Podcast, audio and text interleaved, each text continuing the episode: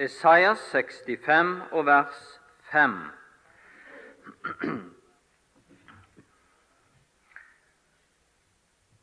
Der eh, lyder det slik som sier disse, altså, som er omtalt i forrige vers, som sier Hold deg unna. Kom meg ikke nær. Hva er det begrunnet i?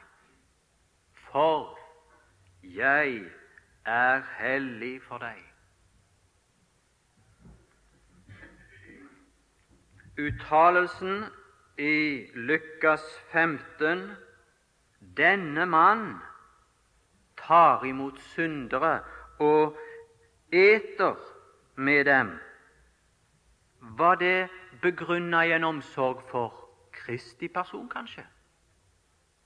At de, de var redde han og hans person skulle besudles av nærværet med disse ureine. Var det det? Den angst var i så fall ubegrunna. Det er opplagt at det var ikke det som lå de på hjertet. Men den angst var ubegrunna. For i Lukas evangeliet så er den første antydning om han og hans fødsel slik det hellige som fødes. Litt seinere tar ikke tid å lese dette. Litt seinere er det en som uttaler ved en anledning Du, Guds hellige. Den Herre Jesus han kunne berøres av spedalske uten å bli urein, uten å ta noe farge av det. Den hellige, den hellige. Men, men la oss finne denne tanke som her er uttrykt i Isaias igjen i Lukas evangeliet. Se i det sjuende kapittel.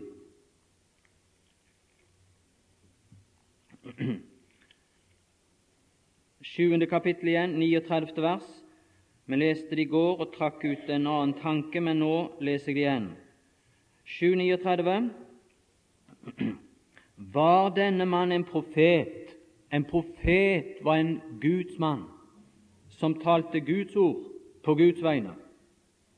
Han var liksom den helliges talsmann blant folket. Så, så er tanken var denne mann en profet? Da visste han hvem og hvordan denne kvinnen er som rører ved ham. Det er opplagt han kan ikke være den helliges talsmann. Ellers så vil han ikke la seg besudle, besmitte Gud holdt seg selvfølgelig godt unna slike. Det var tanken, og derfor disse ord der i Esaias begrunna i hellighet. Hold deg unna, kom ikke nær! I Esaias bok for øvrig så er det ett navn som går gjennom hele boken, og det er et bevis som legges til mange andre om bokens enhet. Uttrykket er dette Israels hellige. Israels hellige. Profeten sjøl hadde nemlig gjort erfaring av denne sida ved Gud, denne forterende, brennende hellighet i Israels helliges person som han så når han var der i tempelet, og de ropte den ene til den andre 'Hellig, hellig, hellig'. Men denne bok den innledes ikke på den måten. Hold deg unna denne hellige. Kom ikke nær. Esaias boka begynner med 'Kom'. Hvem er det som taler? Det er den samme Israels hellige som roper 'Kom, la oss gå i rette med hverandre'. Ja, men det er synd, det er urenhet, det er besudling. Om eder synder. Hvis vi tenker oss inn i det sjette kapittelet, så ser vi all løsning på det problemet fant profeten i det alter, og i den gjerning som var skjedd på alteret. Og så kunne det sies om dennes synd og urenhet at den var tatt bort, din synd er sona. Og derfor så opptrer han på den måten i Lukas evangeliet. Han som sa dette, kom i nåde nettopp for at de skulle komme nær. At de skulle komme nær og være nær.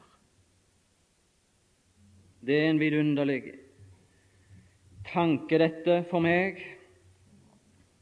Disse som var utstøtt av det gode selskap, de var passende for Guds selskap. For en kjærlighet jeg og du må betrakte i dette. Han som hadde mista meg, han, han hadde følelse av tap. Og han søkte meg, han ønska meg, han har funnet meg, og han vil ha meg. De hadde altså angrepet den Herre Jesu kjærlighet der i Lukas 15, og han forsvare seg, først seg, men han kommer ifra den himmelske herlighet og kan uttale seg på de andre Gud, guddomspersoners vegne og tar deres sak opp i, i, i rett rekkefølge. Men altså, vi fant ut i går, ifølge det fjerde vers, at om, om det bare var et spørsmål om et får, så ville de ikke gjøre noen innvending. Skulle da et menneske verdsettes lavere? Disse var hans. Det er den høye fordring han gjør her. Disse var hans.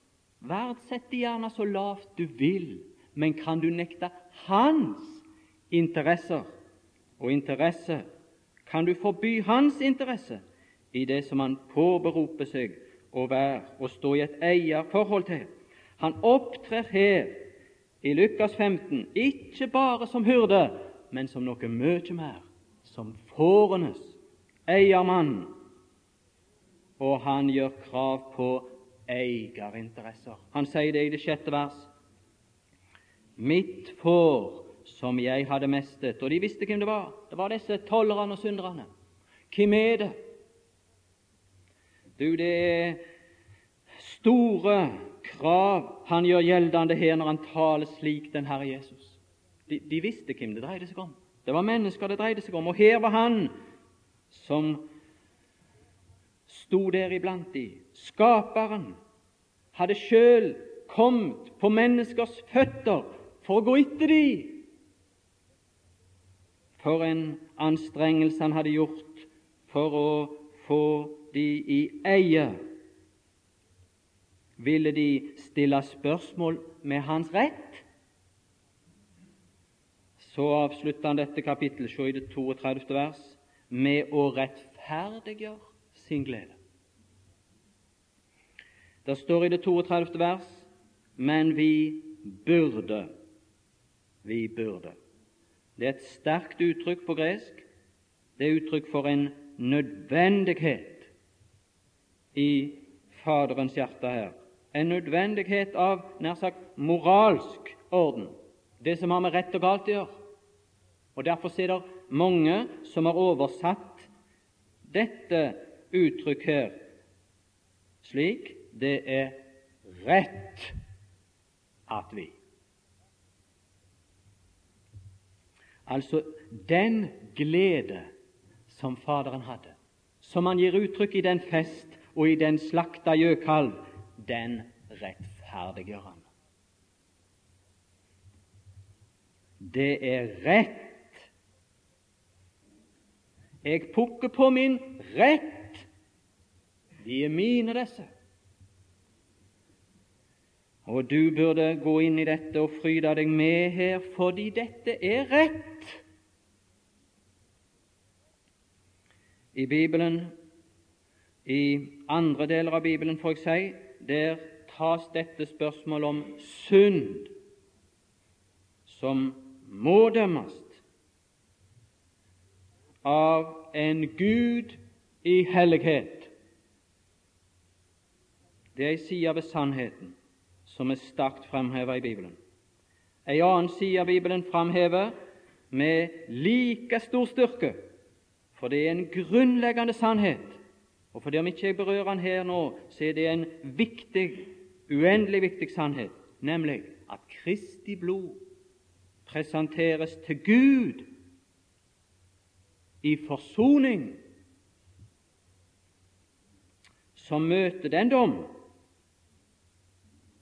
stedfortredende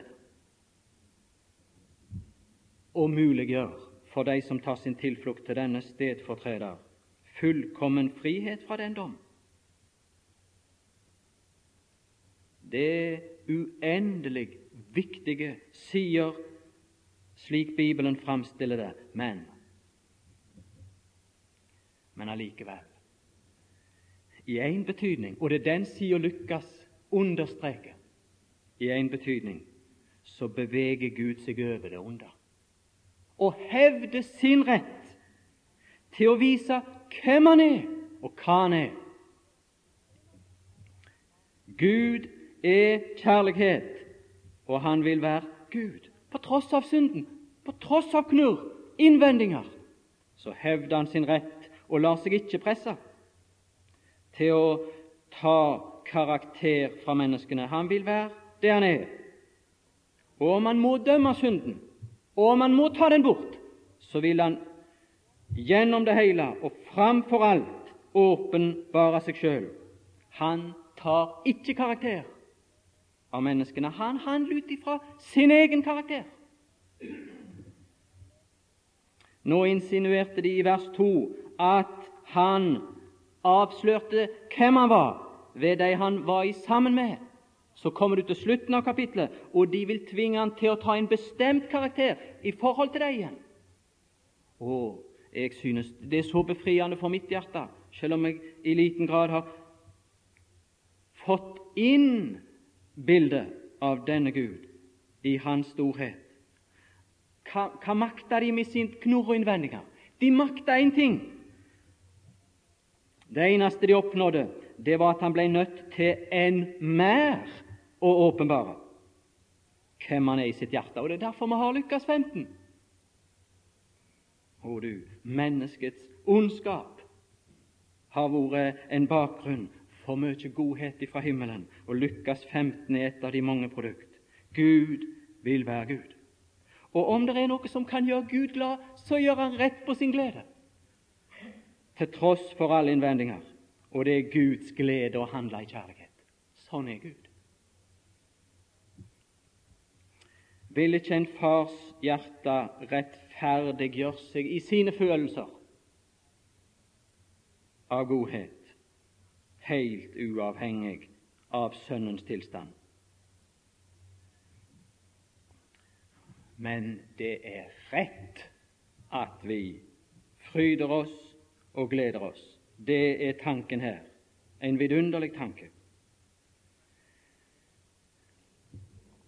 Gud må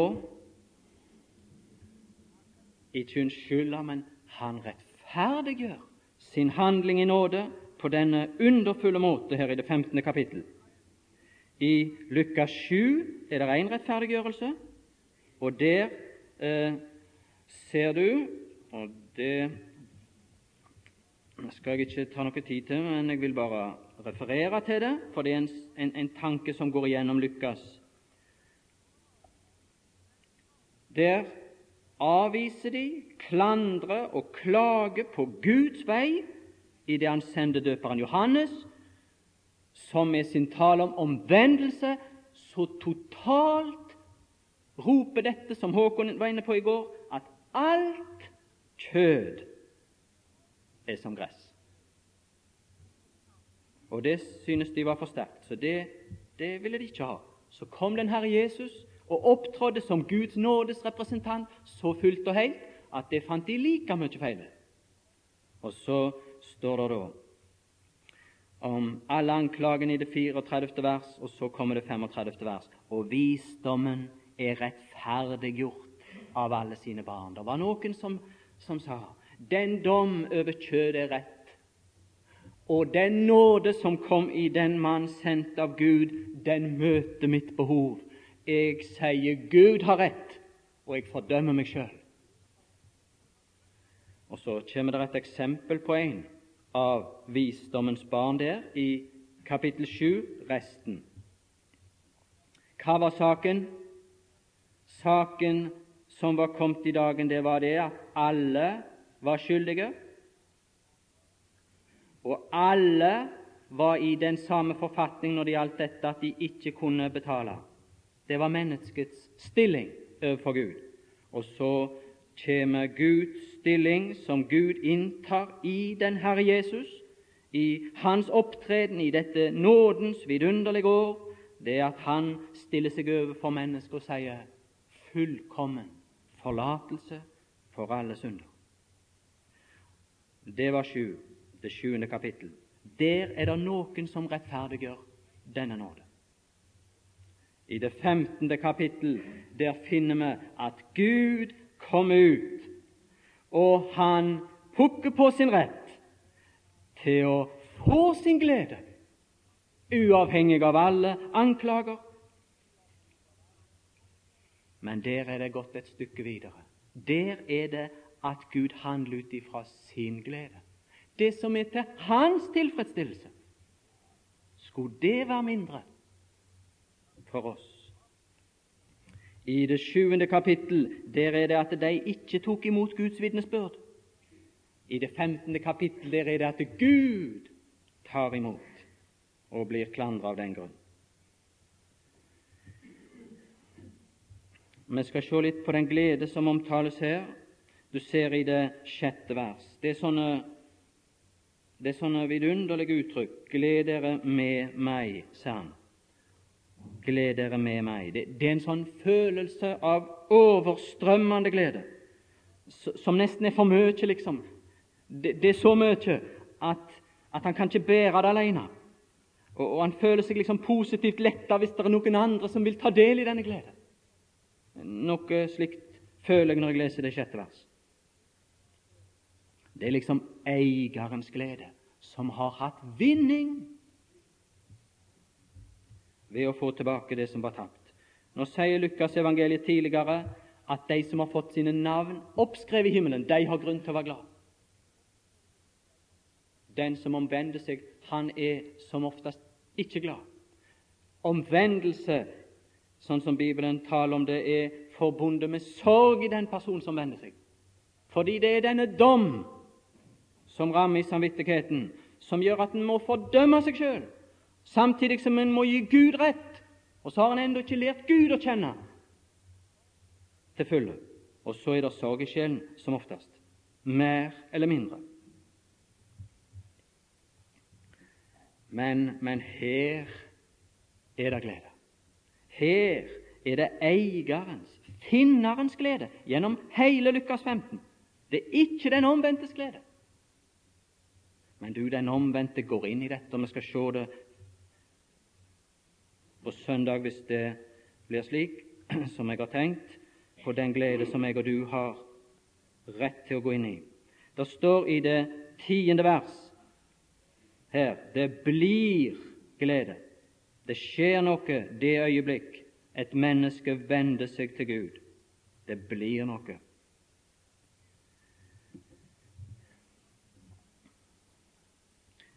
Altså, altså det kommer et tilskudd i himmelen, det er det som er saken. Det er noe som ikke var der før, på en måte. Det kommer et tilskudd i himmelen. Men det tilskudd som er kommet til himmelen Vel, hvor lenge går det, mon tro, så, så er dette blaff over? Nei, ikke så. Ikke så. Det himmelen får av vinning, det beholder himmelen. Se i det sjuende vers. Således skal det være glede. Den glede som blei, den blir. Den skal vare og vare ved. Og tenk nå for din del, du som sitter og lytter til. Det kjøper store mengder som omvender seg, det er snakk om her. Det er ikke sånn som på en pinsedag når 3000 Det må vel glede himmelen, liksom? Nei, du, det var i ethvert tilfelle her, se i det sjuende vers, over én. Og det vil også si da derfor når jeg venter meg. Når du, den enkelte, venter deg til Gud i det tillit til Hans godhet var skapt i ditt hjerte. Denne glede over din person, over min person, den blei, og den er i dette øyeblikk. Evigvarende vil den glede forbli der.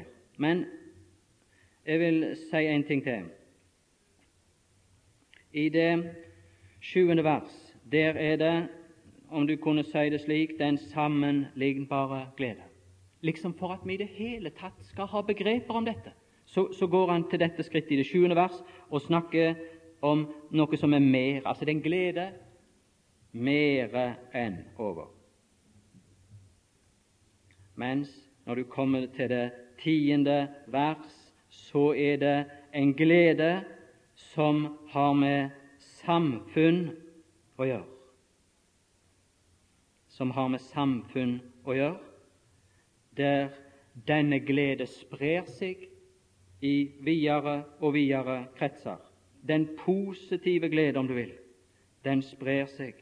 Akkurat som hyrden og kvinnen kaller sammen noen for å, for å bli nær sagt konfrontert med den glede som finneren har, så er det i det tiende vers dette blir det glede ikke blant Guds engler. Jo, det blir det helt sikkert. Det tror jeg vi kan fastslå med andre skriftsteder, men det er ikke det som står her. Men, men de kalles sammen, nær sagt, som disse i de to lignelsene foran, til å bivåne den begivenhet i himmelens historie der de ser en som er glad, Det blir en gledesscene som, som er ufattelig for oss i den forstand. Men det er altså glede i nærvær av disse engler. Disse engler som kan gå inn i himmelens interesser. Vi fikk lest for oss i går det andre kapittel. Og når den Herre Jesus trådte inn, så var det en engel. Og når hans gjerning og resultatet av den var omtalt, så står det at det var en hel himmelsk hærskare som knytta seg til og slutta seg rundt dette fundamentale, evigvarende store fakta hans inntreden, hans gjerning. Hva var det det alt sikta på? I mennesker. I, I mennesket, dette som nå var blitt menneske bare? Ja, i Han, selvfølgelig, men igjennom Han. I mennesker. Guds velbehag. Hvem uttalte disse ord? Engler en høyere orden av skapning må se at Gud går ned og knytter seg til mennesker for å løfte mennesker opp. Og du, Dette kapittel forteller oss om hva verdi det har for himmelen. Hvis det har sånn verdi for Gud. Og englene får en aning om det, selv om de ikke direkte på en måte er interessert i det, for det dreier seg ikke om dem. Men de tar del i det og gleder seg over det skulle jeg da glede meg? Men du, det er ingen sånn knorr og sjalusi blant deg. Det hadde vært fall i engleverdenen. Disse kunne vel da sagt Ja vel, hvorfor gikk du forbi vår orden? Du, her er, her er ikke noe av dette her. Her er en beundring av Gud i Hans storhet og i Hans udelte godhet. Kjærligheten har en glede. Det er kjærlighetens glede, dette. Den har en glede i utøvelsen av gode gjerninger. Kjærlighetsgjerninger. Og kjærligheten er lykkelig fordi den gleder seg når den har gjort en annen lykkelig den Herre Jesus måtte si i Johannes evangeliet. Når han talte om mange ting, så måtte han si jeg gir det og gir det, ikke som verden. Ikke som verden. Nei, her, her er det en annen måte å tre fram på. Her er det en annen måte å tale på. Kjærligheten er lykkelig når den gjør en annen lykkelig. Og den lykke som omgir Gud, som det tiende vers taler om, Det, det er kun en refleks av den glede som er i hans hjerte. Og du, måtte det være en større refleks i mitt hjerte. I den tredje lignelsen der, der er Gud full av glede og løper, det ser man. Men det er bare ved begynnelsen. Men du, det skal fortsette i huset. Og gledens innhold for den som kommer i huset, er langt større når han er der. Vi må lese et vers, så skal vi la dette ligge. Og Det, det verset det setter jeg stor pris på. Det må jeg si. Sefanias, kapittel 3 og vers 17.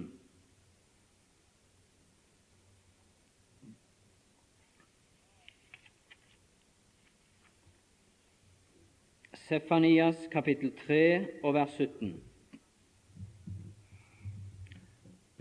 Herren din Gud er i din midte, en kjempe som frelser. Han fryder seg over deg med glede. Se den satsen der. Han fryder seg over deg med glede. Så kommer det et, et innskudd i denne overstrømmende glede. Han tier i sin kjærlighet. Og så, og så kommer det ny, et nytt ledd. Han jubler over deg med frydrop. Men midt imellom dette så finnes denne setning, altså 'han tier i sin kjærlighet'. Det er kjærlighetens glede det er snakk om. Men eh, det at han tier, det må jo betegne en kjærlighet som er så djupt følt at han er nær sagt oppslukt av sitt objekt og, og nær sagt med tankefullhet og beundring er opptatt. Det har vært litt uenighet iblant de som er kyndige i hebraisk, hvor, hvorvidt dette skal oversettes med tider. Mange oversetter det på en litt annen måte, og, og, og, og samme tanken ligger jo i det. Men jeg synes den andre måten taler enda sterkere og, og, og sier meg noe vidunderlig som jeg knapt kan ut, uttrykke, men, men det lyder slik i mange oversettelser Han hviler i sin kjærlighet. Og så spør jeg Altså, altså den kjærlighet som han hviler i, som er nær sagt drukna i glede på begge sider. Kan du ikke se det? Dette fine uttrykk. Spørsmålet er når kan kjærligheten hvile? Kjærligheten kan ikke hvile så lenge det er behov. Det er jo nettopp kjærlighetens vesen. Den aktiviseres ved et behov hos deg Men jeg, jeg tror når gjenstanden for kjærligheten er brakt i en tilstand som er det maksimale av det den kjærlighet har ressurser til å frambringe, da kan kjærligheten hvile. Da kan kjærligheten hvile. Første Mosebok kapittel 1. Når hvilte han? Han hvilte når alt var såre godt. Når du går inn i Lukas 15, så får jeg litt av denne følelse som er i dette uttrykk. Å, jeg finner en Gud som ikke har spart seg for mye til å finne meg. Og når han har funnet meg, så skal han beholde meg. Og i den kjærlighet er det en glede som nå hviler, og skal gjøre det for evig. For han har ført meg til det maksimale av det den kjærlighet etter sine ressurser kan føre meg ja, det får ligge. Det er sikkert noe du kan grunne på videre. Vi må se om vi kan komme litt nedover i denne neste eller tredje lignelsen her. Det er jo én lignelse, men det er tre fortellinger iallfall. La oss slå opp. Jeg skal ikke si så mye om de første delene, men prøver om vi kan i denne timen komme ned til det 19. vers. I den lignelse så begynner i det 11. Der er jo denne sak i det tolvte vers Gi meg den del av boet som faller på meg. Det er liksom uh, i prinsippet slik mennesket har, har uh, oppført seg i forhold til Gud. Uh, en vil nyte i uavhengighet av den person som gav, og ikke lenge etterpå så ser du at han i 13. vers, og ikke mange dager deretter. Er ikke det karakteristisk? Ikke mange dager deretter. En, må, en måtte utenfor det kontrollerende øyne hos Faderen. En, måtte, en måtte skikkelig bort for å kunne i frihet, liksom, nyte godene. Og Det er slik mennesker har oppført seg i forhold til Gud. og Vi kan ta en to-tre skriftsteder for å belegge det. Men altså Gud han er gledesdreper nummer én. Han ødelegger all sunn livsutfoldelse. Skal du nyte, så må du, må du bort ifra den hånd som har gitt deg. Det er noe litt merkelig. Men ifra det øyet som kunne ha en viss kontroll over deg, der må du bort. Bort er tanken, kort og greit. Kristus han kan nok uh, ta seg av mine sorger, men jeg må være min egen lykkes smed. Jeg kan ikke stole på at han ønsker å gjøre meg lykkelig. Slik var det i hagen, som du husker. Eva trodde hun kunne gjøre seg sjøl mer lykkelig enn Gud ville gjøre det. Djevelen insinuerte ganske direkte og klart at det er mye godt som Gud nekter deg. Derfor har du en mulighet. Ta saken i egen hånd.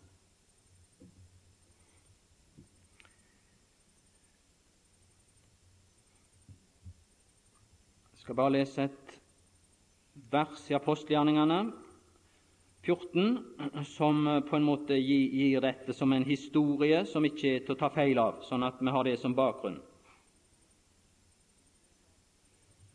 Der har du i det 17. vers i apostelgjerningene 14, og her er det den yngste sønn, kan du si. Hvis vi anvender dette, og det er det helt klart belegg for, utover de som den Herre Jesus direkte talte til, nemlig at den yngste sønn eh, mer taler om hedningenasjonenes forhold til Gud.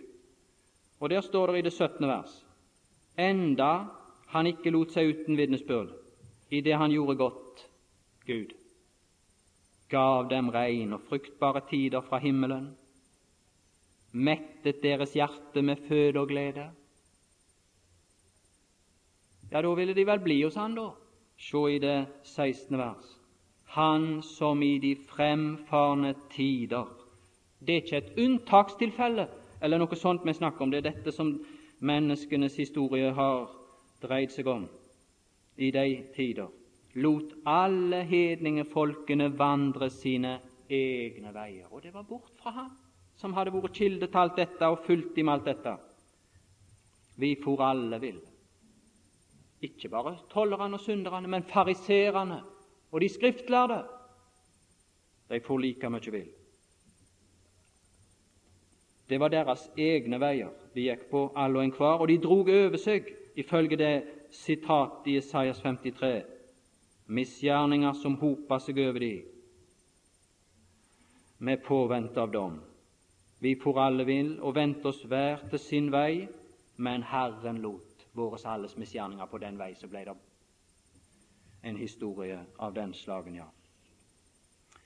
Jeg tror vi kjenner Jeg vil iallfall ikke ta mer tid til det nå og si noe om, om den sida ved saken. Men slik er historien blant menneskene. Det, det har disse få skriftsteder kunnet dokumentere for oss. Men dette lykkes evangeliet, det gjøre oss kjent med et menneske som kom blant mennesker, skjønt han var Guds sønn. Og det er han som i Lukas 15 beskriver den totale virkelighet, og ikke bare merker seg knurr og innvendinger, men ser inn i himmelen og den verden og Faderens hjerte med alt det dyp av følelser og god hug og affeksjoner som der finnes. Han kom inn, og englene fulgte hans inntreden. Vi har referert til det tidligere. Hvor må det ikke ha undra himmelen og engleverdenen å ha sett en mann som tok en annen retning, full av tillit, i avhengighet til Faderen i ethvert skritt han tok. Jeg skal bare referere i denne sammenheng til den første uttalelsen fra den Herre Jesu munn i Lukasevangeliet, og det er i evangeliene for øvrig òg. Og det, det dreier seg om Det er i kapittel 2 du finner det. Og det er det 49. vers. Og det er et førsteinntrykk som holder seg når det gjelder den Herre Jesus. Det er ikke et heldig øyeblikk i hans liv, det er et utplukka øyeblikk som karakteriserer han i hans liv som menneske, og du for en person.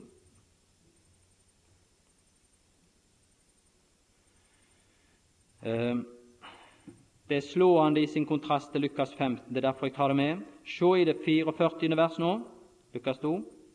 Men da de trodde at han var i reisefølge, kom de en dags reise fram og lette. De leite 48, men du kan se, ta det 45 nå. Og da de ikke fant ham, vendte de tilbake til Jerusalem og lette. Her er leiting som pågår nedover. Du kjenner historien. 48. vers.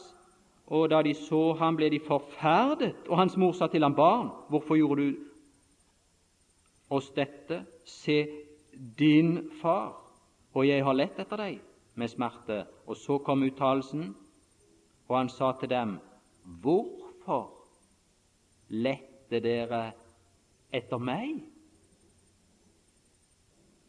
Visste dere ikke at jeg må være i min Faders hus? Altså, der er leiting, der er en søken i Lukas 15 det er en søken i Lukas 2. Forskjellen er dette at i Lukas 2 er det de som søker og leiter, som er kommet bort.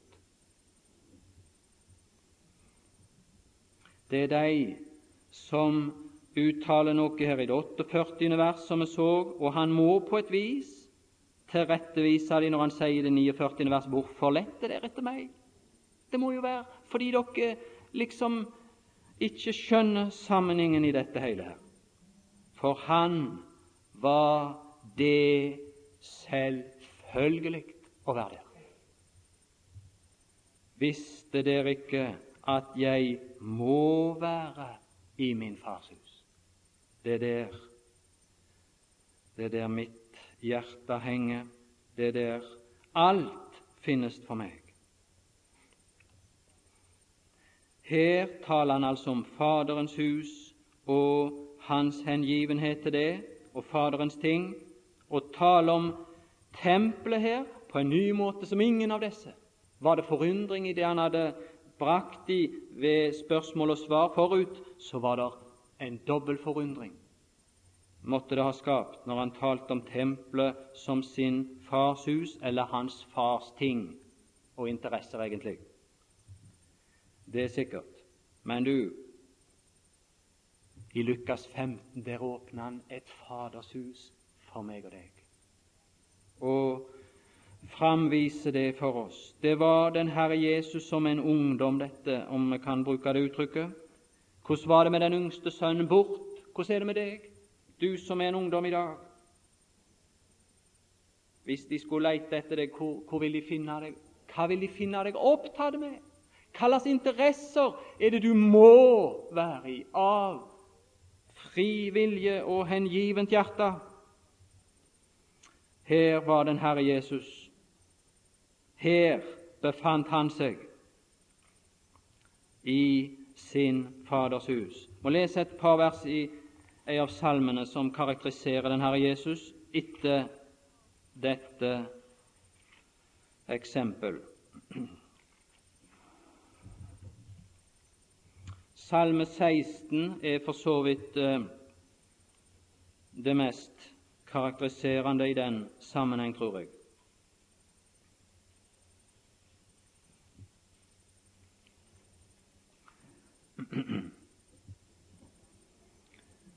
I det andre vers så står det 'Jeg sier til Herren', og at denne salme taler om Kristus, og at ikke dette er på en måte en vilkårlig lesning, og at vi bare finner noen uttrykk som passer. Det, det kan du se av at apostlene tolker denne salme som en salme som taler om Kristus. Paulus taler på pinsedag. Er denne salme slik forklart og utlagt?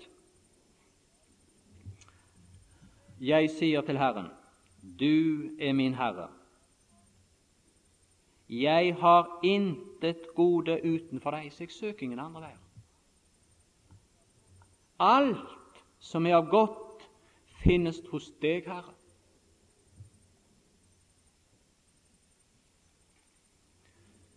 Ja, Det er ikke alle som sier. Se i Salme 4, vers 7. Mengden sier noe annet.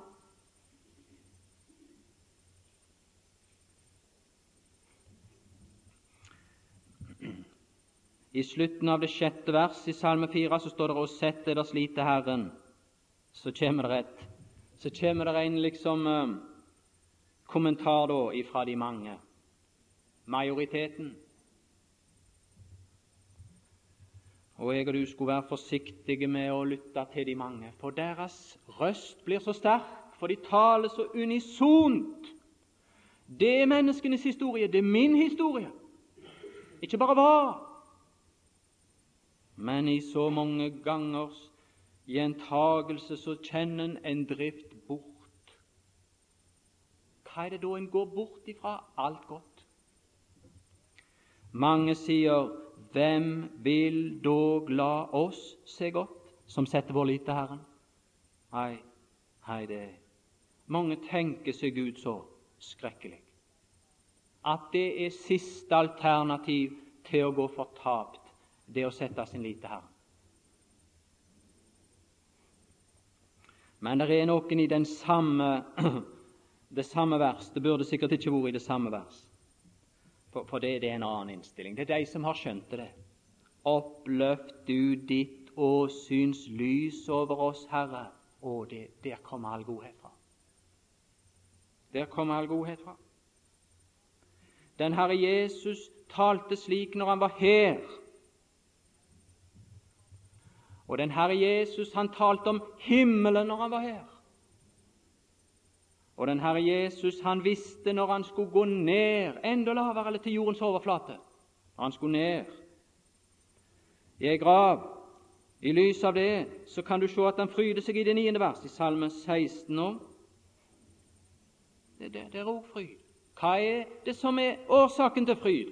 Er det noen fryd utenfor i den godhet som utgår fra Herren i en slik stund? Nei, verken ved begynnelsen eller ved det skritt på hans vei. Men han ser veien til ende, den Herre Jesus. Og se i det ellevte vers kan si og omtale da. Du skal kunngjøre meg livets vei, oppstandelsen. Gledesfull det for ditt åsyn. Jeg vet det. Jeg har, jeg har levd i det hele veien. Ja, det får holde der, tror jeg. Ja vel. Altså, dette er så karakteriserende, og mye, mange av de uttrykk som brukes der videre nedover lykkas 15, de har sin nyttige lærdom for oss. Og jeg skal nå raskt avslutte her, men jeg må få si litt til. Altså, så står det i det 17. vers, men da han kom til seg selv, prøv å finne ut hva er det da som karakteriserer ham. Jeg vil bestemt understreke at det var ikke hungeren som fikk han til å vende seg til sin fader. Men prøv å finne ut av det. Når han da har bestemt seg 'jeg vil stå opp', når han da har bestemt seg, så har han fått inn, og det er det som drar han. Samvittigheten er vakt, men hjertet er tiltrukket av den godhet og overflod av godhet hos Faderen.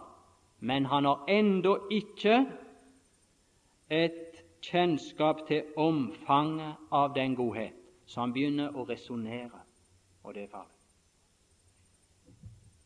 For han må jo resonnere ut ifra noe han kjenner, og han kjenner ikke Faderen. Han har ikke møtt Faderen ennå. Så resonnerer han ikke ut ifra det som er i Faderens hjerte. Da resonnerer han ut ifra det som er hans eget hjerte, og i hans egen tilstand, og så måler han Faderens godhet ut ifra den begrensning. Og da, kommer han til en sånn en mellomløsning. Her er det litt bekjennelse og en blanda ydmykhet, som enkelte synes er svær, men som jeg skal karakterisere litt seinere.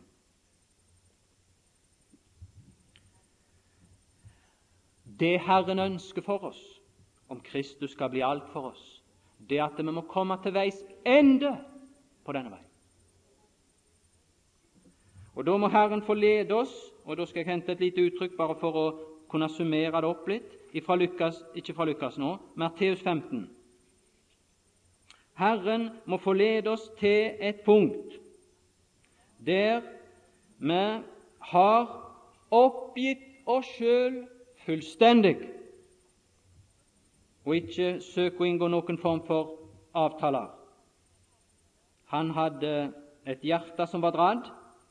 Han kjente litt på uverdighet, men han håpa nå litt fremdeles. Han hadde ikke gitt opp seg sjøl fullt og helt. Men her ser vi i Matteus 15, og det er denne historien om den syrofenikiske kvinnen som her, den Herre Jesus møtte, og som han taler til, og som han nær sagt fører til det punkt i det 26. vers, og han sier det er ikke rett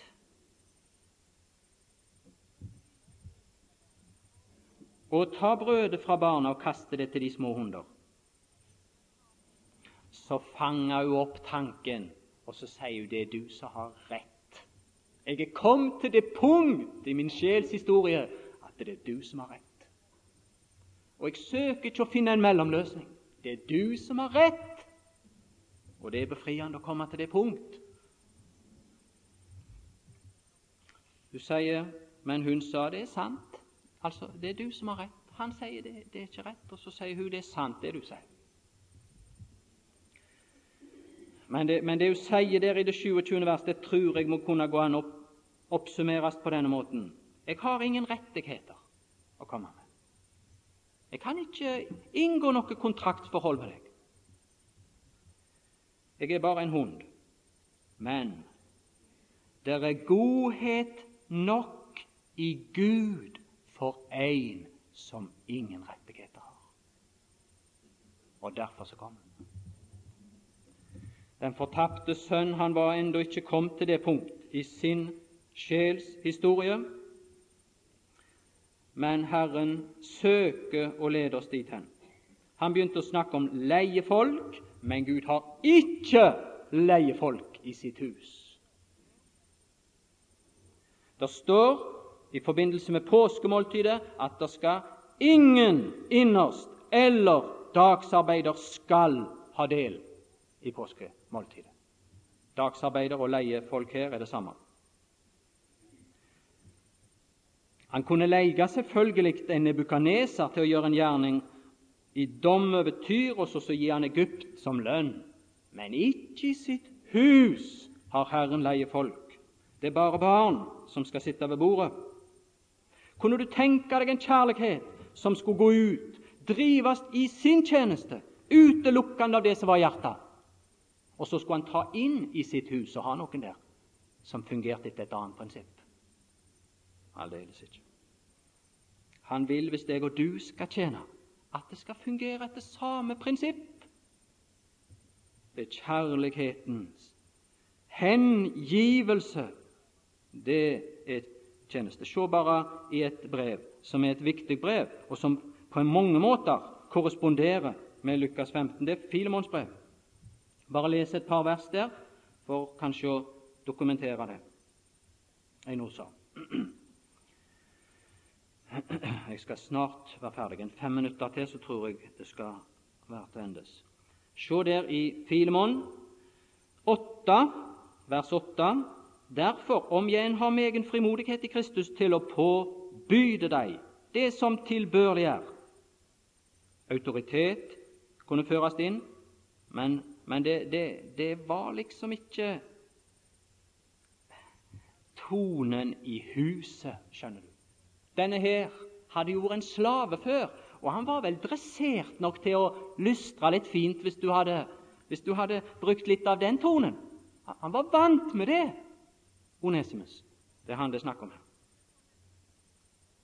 Men nå skal den tidligere trellen trelle på en annen måte. Det skal være noe som kommer den veien fra. Så ber jeg deg dog heller for kjærligheten skyld. Det, det er fint. Sånt henvender han seg til Filemon i det han omtaler denne slaven. Se i det 14. vers, bare for å ha det. Klart i eksempler fra Det nye testamentet, men uten ditt samtykke ville jeg intet gjøre for at din godhet, din godhet, ikke skulle være som av tvang, men av fri vilje. Sånt vil Herren ha det i sitt hus. Ja vel. Det å være leie folk svarte ikke til nåden og tilfredsstilte ikke nåden, men Og det, det siste punktet det svarer heller ikke til rettferdigheten. Gjerne så har en tenkt seg det så at han var blitt ganske ydmyk når han var kommet til det 19. vers, denne fortapte sønn. Når, når han talte på denne måten. Er det ydmykhet? Nei, det er stolthet. Hadde han lest Det gamle testamentet, denne mann? I alle fall ikke skikkelig, og i alle fall ikke slik at han hadde bøyd seg for den tale. Han snakker om verdighet her. Verdighet. La oss se i 5. Mosebok 21.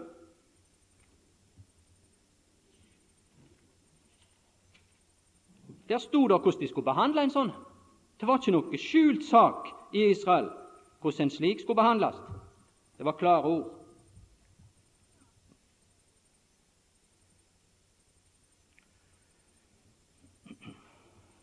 Jeg leser fra det 18. vers.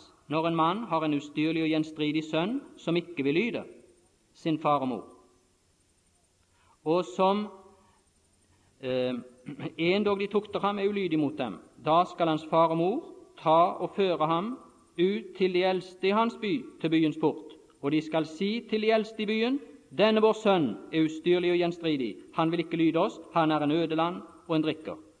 Det må vel være en grei karakteristikk av denne i Lukas 15 òg. Og alle mennene i hans by skal stene ham til døde. Således skal du rydde det onde bort av din midte, og hele Israel skal høre det og frykte, når en mann har synd på seg som fortjener døden. Der ser du hva han hadde å kunne vente seg. Død, forkastelse, det var det han fortjente. Hvis han tok det opp på den grunn, hvis han ønsket å ta det opp på den grunn, så var dette det han fortjente. Så jeg må ikke si at det var ydmykhet han snakket av da, når han snakket om vel, jeg kan kanskje inngå en kontrakt allikevel. Det er sikkert litt godhet hos han. Og jeg, jeg forlanger ikke så mye. Du, du sier gjerne vel det, Sånn tenker jo ikke vi. Vel, vel, jeg har nå hørt mer enn en som har sagt 'Å, bare jeg kan komme innenfor porten i himmelen'. Hvordan kan du tenke sånn? Ja, hvorfor tenker du sånn? Jo, du tenker på din verdighet. Jeg har ikke fortjent så mye. Så er det klart, bare jeg kan komme inn forbi.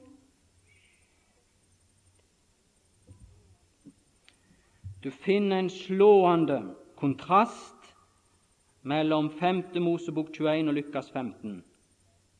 I 5. Mosebok 21 så får han det han fortjente. Det står i det 22. vers. Og det var døden. I Lukas 15 der får han det han aldri hadde fortjent. Og saken er den at enhver av oss vil enten motta i dom fra Gud nøyaktig hva vi har fortjent.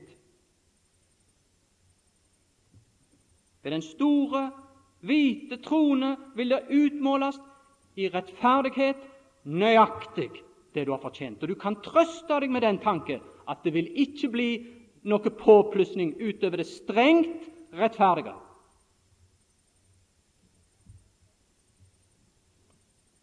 Eller få tilmålt velsignelse ikke etter fortjeneste, men på et annet på andre premisser etter Guds hjertelag.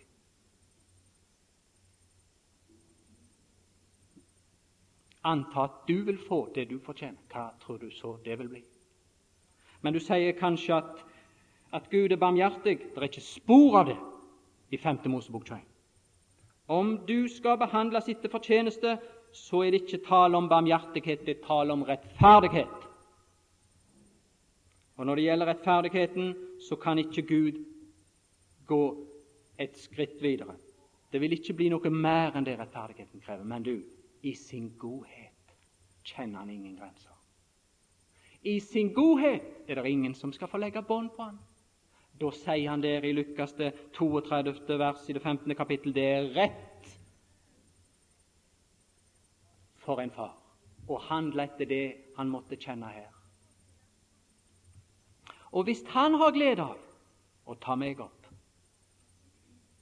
hvem skulle nekte han den gleden? Ja, Fader, jeg vil vende meg til deg og be for min del, og for spesielt de yngste her, at, at de kunne få et inntrykk fra deg, Fader. Ikke bare av litt godhet, men at de ble ved din ånd gjennom sannheten ført til erkjennelse av dette, at på den vei så er det stengt. Så kan du åpne i evangeliet den vei som du anbefaler i din godhet, og at enhver av oss kunne få en forøka forståelse og erkjennelse i våre hjerter av omfanget av din godhet. Det ber vi om for din gledes.